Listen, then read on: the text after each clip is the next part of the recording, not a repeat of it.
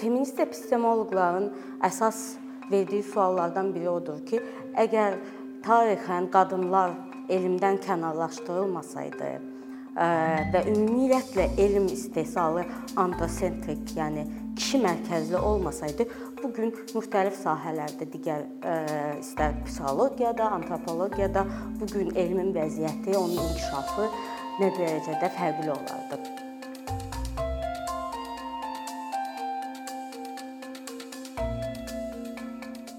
Ümumiyyətlə epistemologiya nədir? Epistemologiya bizim bilik əldə etmək, bilik istehsal etmək, bu biliyin hansı şərtlərdə istehsal olunması, hansı biliyin doğru və əsaslı sayılmasına dair sualları araşdırır.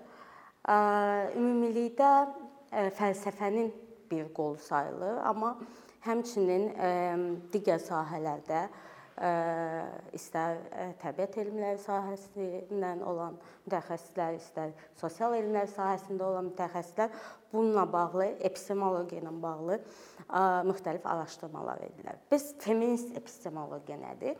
Əslində feminist epistemologiyada eyni suallara cavab axtarır, amma bir növ həmçinin də gender eynəklərini taxaraq ki, biz indiyə kimi istehsal etdiyimiz elm nə dərəcədə doğru, əsaslı, nə dərəcədə hamının fikrini əhatə edən, hamıya çatan, həmçinin hamının bu bilik istehsalına bir növ çıxışı olan şərtlərdə mövcud olub, necə inkişaf edib. Feminist epistemoloqların əsas verdiyi suallardan biri odur ki, əgər tarixən qadınlar elmdən kənarlaşdırılmasaydı və ümumiyyətlə elm istehsalı androsentrik, yəni kişi mərkəzli olmasaydı, bu gün müxtəlif sahələrdə digər istər psixologiyada, antropologiyada bu gün elmin vəziyyəti, onun inkişafı nə dərəcədə fərqli olardı. Feminist epistemoloqlar yalnız filosoflar deyil, yəni sırf feminist epistemologiya ilə məşğul olan digər sahələrdən də mütəxəssislər var. Çünki onlar daha çox bəlkə də mövzunu belə deyim də qavraya bilirlər. Çünki onlar elm istehsal eləyirlər müxtəlif sahələrdə istər psixologiya olsun, antropologiya olsun, biologiya olsun. Bu arada biologiyaya qayıdacağam çünki çox önəmli elm sahəsidir. Xüsusilə feminist epistemoloji nöqteyi nəzərdən baxanda. Bəs və onlar bu elmi istehsal edəndə həqiqətən də burdakı boşluqları, çatışmayan cəhətləri daha yaxşı görürlər. Və feminist epistemologiyanı götürəndə əslində bir neçə yanaşması var. Yanaşma əslində tənqid üzərindən qurulub və hazırki mövcud elmi, dominant elmin çatışmamazlıqlarını tənqidi, çatışmamazlıqlarının tənqidi üzərindən qurulub və 4 yanaşma mövcuddur. Biri gender struktural yanaşmadır. Bu bayaq qeyd etdiyim əsasən elmdə qadınların çətinliyi, ümumiyyətlə tarixən elmdən qadınlar necə kənarda qalıblar, hal-hazırda hətta elmlə məşğul olan qadınların öz işlərini bir növ sübut etmək üçün, onlar qəbul olunması üçün hansı çətinliklər yaşayırlar və bunlar olmasaydı nə kimi bir vəziyyət mövcud idi, bunu araşdırır. Simvolik, feminist simvolik yanaşma var. O daha çox qeyri-insan, digər canlılar və hətta cansızların fəlsəfədə, elmdə hansı simvolikalara malik olduğunu, daha doğrusu elm insanlar tərəfindən bu canlılara hansı simvolikalar verildiyini və nəticədə bizə bunun necə təsir etdiyini göstərir. Məsəl üçün biz biologiyada müxtəlif digər canlıları öyrənirik və onların hətta davranışlarına nə bilim feminin, maskulin deyə təsvirlər veririk və bu təsvirlər sonradan biz insanların həyatında hansı rol oynayır və hə, bu feminist maskulinliyin hətta biz yerini dəyişsəydik hansı nəticələrə gələrdik? Bu kimi suallara cavab axtarmağa çalışırıq. Digər önəmli yanaşma biri androsentrik, yəni kişi mərkəzli yanaşmadır və seksist problemləri ortaya çıxardan yanaşmadır. Burada da hazır hazırki mövcud vəziyyətdə hansı problemlərlə qarşılaşırıq? Yəni bu indiki elm nə dərəcədə qadınların da fikrini, onların istəklərini, onların maraqlarını, dəyərlərini nəzərə alır və həmçinin də bəzən müxtəlif ayrı seçkiliyə yol açır. Bunun üçün yaxşı misallardan biri məncə təkamül psixologiyasına məşğul olan Steven Pinker var məsəl üçün. Onun o həmçinin təkamül psixologiyası ilə bərabər, yəni elmi işləri ilə bərabər eləcə də hal-hazırda pop science deyilən, yəni kütləvi elmlə çoxlu töhfələr verib, amma Susan McKinnon tərəfindən bir çox onun işləri həmçinin tənqidə məruz qalıb. Susan McKinnonun Neoliberal Genetika deyə bir kitabı var və o həmin bu Steven Pinker kimi təkamül nəzəriyyəçilərinin bütün biologiyaya xüsusilə təkamülə, psixologiyaya baxışının nə dərəcədə sırf ağ kişi, yalnız kişi deyil, ağ kişi mərkəzdə olduğunu göstərir. Məsəl üçün təkamül nəzəriyyəçiləri əslində nə edir? Onlar bugünkü hazırki vəziyyəti götürür və ona bir növ tərs konstruksiya deyirlər. Yəni hazırki vəziyyəti təkamüllə izah eləməyə çalışırlar ki, əslində buna səbəb budur, budur, budur. Məsəl üçün bugünkü davranışlar, bugünkü ailə institutu, bugünkü gözəllik anlayışları, münasibətlər, qohumluq əlaqələri Susan McKinnon deyir ki, əslində bütün bu araşdırılan mövzular sırf avrosentrik burjua və xüsusilə də neoliberal iqtisadi dəyərlərlə araşdırılıb. Çünki bütün araşdırılan və indiki hazırda götürülən bir növ münasibətlər sırf Avropada olan münasibət. Yəni tək Avropa yox, həmçinin də Avropa kənarlarında Avropa deyim Av Avropalı mədəniyyətlərin davranışlarıdır. Məsəl üçün Steven Pinkerin nəzəriyyəsinə görə məsəl üçün bütün insanların çoxalma instinkti var. Bəs bu çoxalma instinkti necə hansı münasibətlərdə baş verir? Aha, qadınlar belə olur, kişilər belə olur. Onlar kişilər sırf çoxalmaq üçün belə qadınları bəyənir. Hətta bu prizmadan poliqamiyaya filan bir növ izah tapmağa çalışırlar kişilərin poliqamiyasına. Əslində isə bütün bu yenə də davranışlar çox avrosentrik qalır. Çünki biz digər biz dediyimdə Steven Pinker və onun kimi nəzəriyyəçilər digər qəbilələrin davranışına, digər münasibətlərə heç baxmayıblar. Məsəl üçün Tibet ərazisində Mosora deyə bir qəbilə var. Orda ailə institutu, ümumiyyətlə kişi ilə qadın münasibətləri çox fərqlidir. Orda poliqam olan qadınlardır. Amma Steven Pinker çalışır ki, bugünkü vəziyyətdə kişilərin poliqamiyasını ə, təkamüllə izah eləsin. Bir çox digər ə, ayrı seçkiliyə gətirən problemlər də var.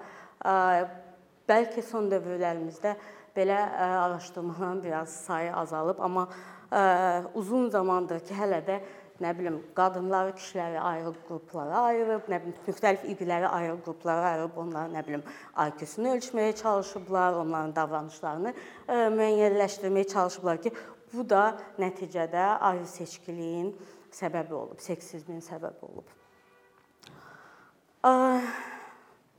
Sandra Harding ümumi feminist epistemologiyanı əsasən 3 hissəyə klassifikasiya eləyib. Birinci feminist epistemoloqlar empirisistlərdir. Onlar ümumiyyətlə empirisizm haqqında bir neçə cümlə deyim. Empirisizm hazır, yəni ənənəvi elm fəlsəfəsinin metodologiyanın bir sahəsidir və empirisizmə görə bütün bizim əldə etdiklərimiz biliklə müşahidə sayəsində baş verir. Və biz yalnız yəni tək nəsnələri deyil, həmçinin də müxtəlif sosial münasibətləri, hansı fəaliyyətləri, aktları sırf müşahidəmizlə qəbul eləyirik və həmçinin də bu bir növ sonradan bilik biliyin istehsalına çevrilir. E, feminist empirisistlər düşünür ki, onlar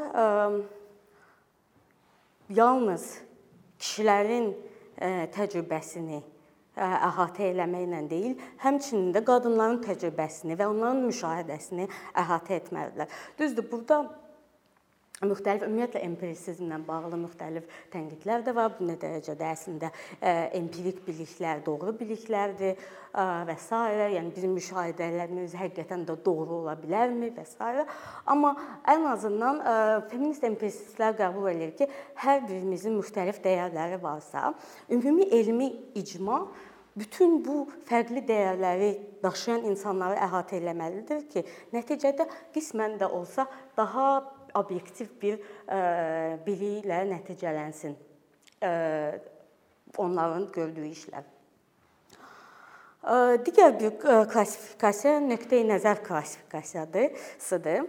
Nöqteyi-nəzər klassifikasiyası əslində bir növ situativ bilik fenomenindən doğrudur. Situativ bilik nədir? Situativ bilik ümumiyyətlə bu mövzunu qaldıran ə, e, alim Donna Haraway olub. Donna Haraway görə hər bir şey, ə, e, hər bir nəsnə və həmçinin hər bir ə, e, fəaliyyət ə, hər kəs tərəfindən onların zaman və məkanda fərqli yerlərdə yerləşməsindən asılı olaraq çox fərqli şəkildə müşahidə olunur və görülür və qavranılır. Misal üçün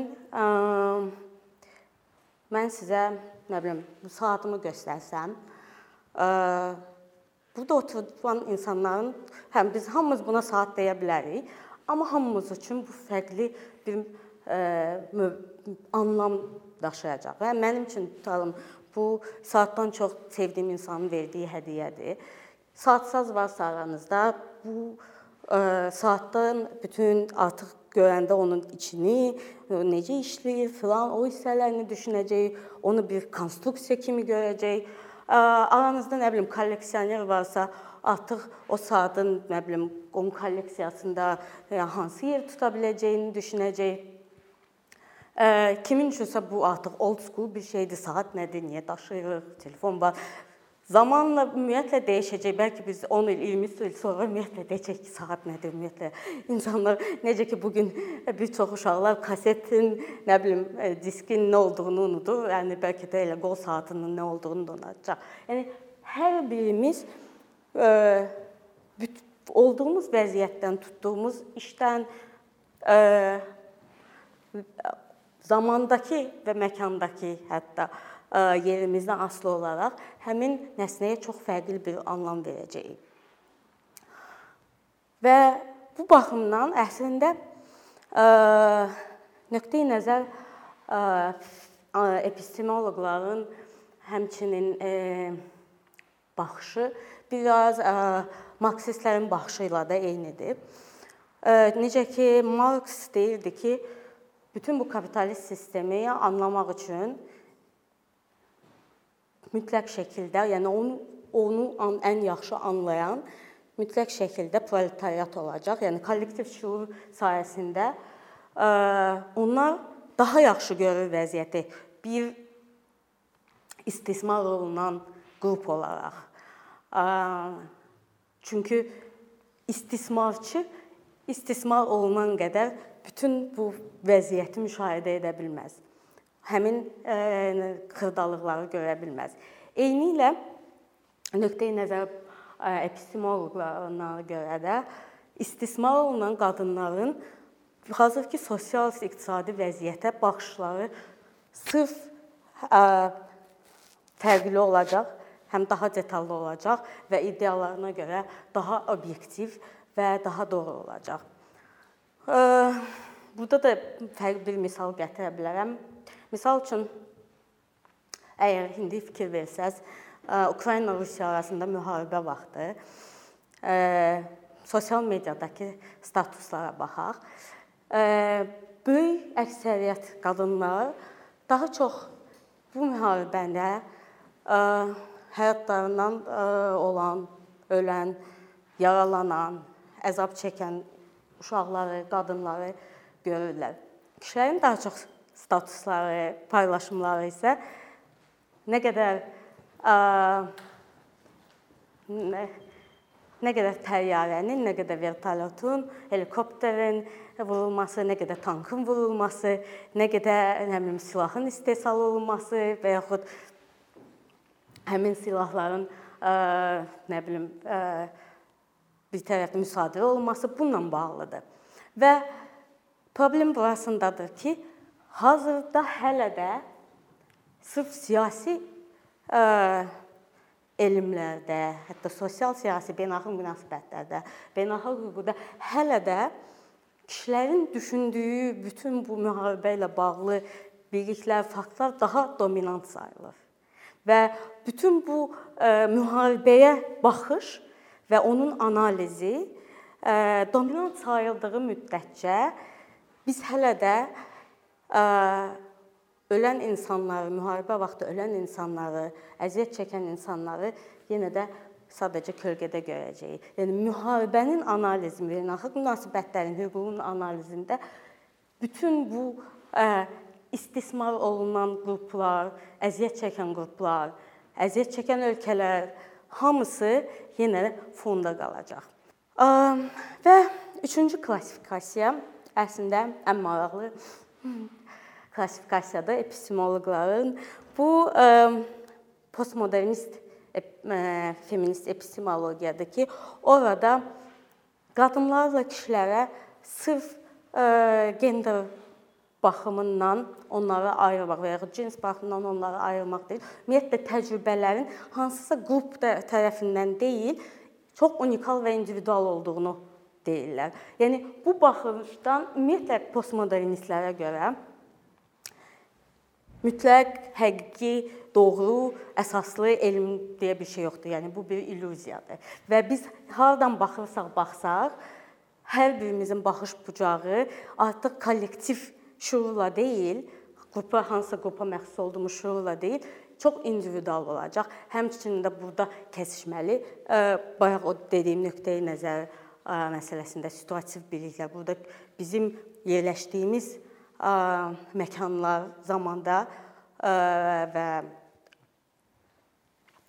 bizim yerləşdiyimiz yerlə, məkanda və zamanda çox unikal olduğu üçün bizim baxışlarımız, elmə baxışımız hansısa bir ona dəyər qatmağımız, anlam verməyimiz də çox unikal olduğu üçün bütün bu baxışları hansısa kollektiv tərəfindən qruplaşdırmamaq və hansısa bir baxışı dominant etməməyə dair fikirlərdir. Ümumilikdə bütün bu üç belə deyim də qolun epistemoloqların ortaq gəldiyi nöqtələr odur ki, hə biz qadın və kişilərin məsələyə baxışını essensiallaşdırmamalıyıq. Yəni biz qadınıq deyə belə baxırıq. Yəni mən bayaq dedim, dediyim məsələdə məsəl üçün Facebookdakı paylaşımlara, müharibəyə dair və ya başqa bir məsələyə dair paylaşımlarda və ya baxışımızda biz ə, bioloji olaraq qadınlıq deyə ə, belə baxmamalıyıq. Ə, ə, yəni bax bizim yerimiz ə, sosial konstruksiyadan asılıdır və biz necə baxırıqsa məsələyə bu bizim yəni biologiyamızdan asılı deyil. Və bu arada biologiyaya qayıdaq. Biologiya əslində məncə sırf hər bir cəhətdən çox təməl bir elmdir. Çünki onu həm əslində təbiət elmlərinə aid edirlər, həm sosial elmlərə aid edirlər və bu baxımdan biologiyanın özündə belə kişi dominantlığı illərlə müxtəlif bir problemlərə gətirib çıxardı. Məsəl üçün ə, siz bəlkə də bilmirsiniz, amma bir çox dərmanlar ə, yəni bu biologiyadan da çıxıb bir növ tibbə keçib, bir çox dərmanlar ə, və onların təsiri yalnız kişilərin üzərində sınaqdan keçirilir. Buna da səbəb on, o bir səbəblərdən biri odur ki, qadınlar menstruasiya olur, onlar müxtəlif zamanlarda müxtəlif reaksiya verə bilərlər. Yəni düşünün ki, bu gün biz gedib ə, aptekdən aldığımız dərmanların bir çoxu bizim bədənimizə belə necə təsir elədəcəyini bilmirik. Və yaxud avtomobillər. Yəni avtomobillər bu gün baxmayaraq ki, qəzaların bir çoxu kişilər tərəfindən törədilir. Qəzalarda ən çox ə, zərər çəkənlər qadınlardır. Çünki onların konstruksiyasında artıq bu mühəndislikdən, yəni daha çox belə deyim də fizikadan artıq tətbiq olunub mühəndisliyə və onun konstruksiyasında qadınların bədəni nəzərə alınmayıb. Yəni o avtomobillər kişi bədənləri üçün kişilərin ə, necə deyim, fiziki quruluşlarına xas olaraq konstruksiya edilib və qadınlar qəzaya uğradıqda onlar daha çox zərər çəkir nəinki kişilər. Və yaxud hətta yenə də müxtəlif xəstəliklər olsun və s. bunların yenə də bir çoxu hələ də kişi kişi bədənləri üzərində araşdırılır. Biologiyanın ən çox ən ə, belə deyim, önəmli sahələrindən biri də primatologiyadır. İnsanlar həqiqətən də çox maraqlıdır bu sahədə, çünki biz həmişə, yəni təkamül nəzəriyyəsinə əsasən, yəni özümüzü bir növ yaxın hiss eləyirik primatlara və onların davranışları, bu arada həmçinin bu o simvolik yanaşmada olur. Onların davranışlarını özümüzdə bir növ e, təcəssüm eləməyə çalışırıq ki, aha, de görürsüz, məsəl üçün falan primatlar öz aralarında belə davranır, onların e, erkəyi belə davranır, dişisi filan cür davranır. Halbuki bu arada o da Donna Haraway'in e, kitabında qeyd olunub. Janna Altman deyə feminist və bioloq sırf primatologiyaya, biologiya elminə qatdığı bir növ töhfədən bəhs edilir. Çünki o həmçinin yəni o, o primatologiya sahəsində və ümumiyyətlə hətta mən deyərdim ki, elm fəlsəfəsində, metodologiyada bir növ inqilab edib və yeni bir metodologiya gətirib fokal yəni ingiliscə buna focal sampling deyirlər. Fokal seçmə, yəni metodologiya bir şeyi araşdıranda biz nəyin əsasında seçir, kimləri araşdıracaq, nəyi araşdıracaq. İndiyə kimi Jan Altman kimi e, primatoloqlar belə yalnız e, primatların e, erkək cinslərini, onların nə bilim liderlik xüsusiyyətlərini, aqressivliklərini və s. araşdırıb Jan Altman focal sampling edərək həmçinin də dişlərin dişi primatların bir-birinə olan münasibətini, onların öz övladlarına olan münasibətini araşdırmağa sövq edib bütün sahəni. Yəni bütün bunlara yekun verərək deyə bilərəm ki, həqiqətən də biz nə qədər də bəyənməsək, biz qəbul etməliyik ki, biz dünyada hamımız yaşayırıq və elmə, elmi biliyə, ümumiyyətlə elmi biliyin təsirlərini qəbul ediriksə, elmi biliyə təsir edən, onun inkişafına, istehsalına, paylanmasına təsir edən zaman mütləq şəkildə gender eynəklərini geyib baxmalıyıq ki, sırf qadın perspektivindən, qadınların marağından Həmçinin də biz postmodernist bir epistemoloji qolu seçiriksə, unikal ə, təcrübələri biliyin istehsalında, qəbulunda, paylanmasında unikal təcrübələri mütləq şəkildə nəzərə almalıyıq.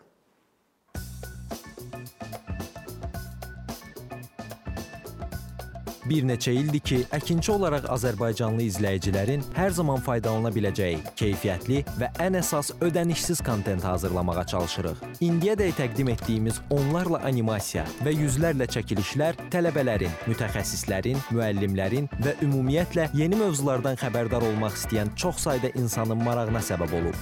Bu illər ərzində hazırladığımız videolar təhsil, texnologiya, ictimai fəallıq, iqtisadiyyat, gender bərabərliyi, ətraf mühit, ifadə ifadə azadlığı, hüquq, demokratik inkişaf, mədəniyyət və digər mövzuları əhatə edib. Məqsədimiz çoxlu baxış gətirən deyil, çoxlu fayda gətirən videolar hazırlamaqdır. Amma bu düşündüyümüz qədər asan deyilmiş. Gördüyümüz iş kifayət qədər resurs, əmək və təbii ki, davamlılıq tələb edir. Bu səbəbdən Patreon platformasından istifadəyə başladıq. Əkinçinin Patreon hesabının populyarlaşmasına çox böyük ümidlərimiz və gözləntilərimiz var. Bəziləriniz Patreon haqqında ilk dəfə eşidirsiniz. Əslində çox sadə izahı olan bir platformadır. Təsəvvür edin ki, siz rəssam və ya musiqiçisiz. Sosial şəbəkələrdə sizi izləyən, işinizi bəyənən çox sayda insan var. Patreon platforması sizə imkan verir ki, izləyicilərinizin könüllü aylıq ödənişləri sayəsində işinizi davam etdirəsiniz. Sərgi, konsert zallarından asılı qalmayasınız. Amma bu təkcə rəssam və musiqiçilərə aid deyil. Məsələn, əkinçiyə bənzər fəaliyyətlə məşğul olan bəzi layihələrin 10 minlərlə patronu var. Biz də düşündük ki, nə üçün əkinçinin Patreon hesabı olmasın? Sizin dəstəyiniz sayəsində sayəsində biz daha çox və daha keyfiyyətli kontent yaratmağa davam edə biləcəyik. Amma bu dəstək yalnız maddi dəstək deyil. Dəstəkçilərimizin sayının artması gördüyümüz işlərin faydalı olduğuna dair əminlik verir. Patreon platformasından istifadə çox sadədir. Hesabınızı açırsınız, sizə uyğun dəstək növünü seçirsiniz və Patreon özü hər ayın ilk günü kartınızdan seçdiyiniz dəstək növünə uyğun ödəniş tutur. Bu qədər. Sonda onu demək istəyirik ki, dəstəkçilərin sırasına qoşulmaq istəyən, amma məhdud imkana görə bunu edə bilməyənlər narahat olmasın. Daha öncə dediyimiz kimi, bizim əsas məqsədimiz daha çox insanın hər zaman faydalana biləcəyi keyfiyyətli və ödənişsiz kontentin yaradılmasıdır. Bunun üçün mütləq patronumuz olmalısınız deyə məcburiyyət yoxdur. Amma imkanınız patron olmağa çatırsa və bizim işimizi bəyənirsinizsə, patronlarımızın sırasına qoşulmağınız bizim üçün çox önəmlidir.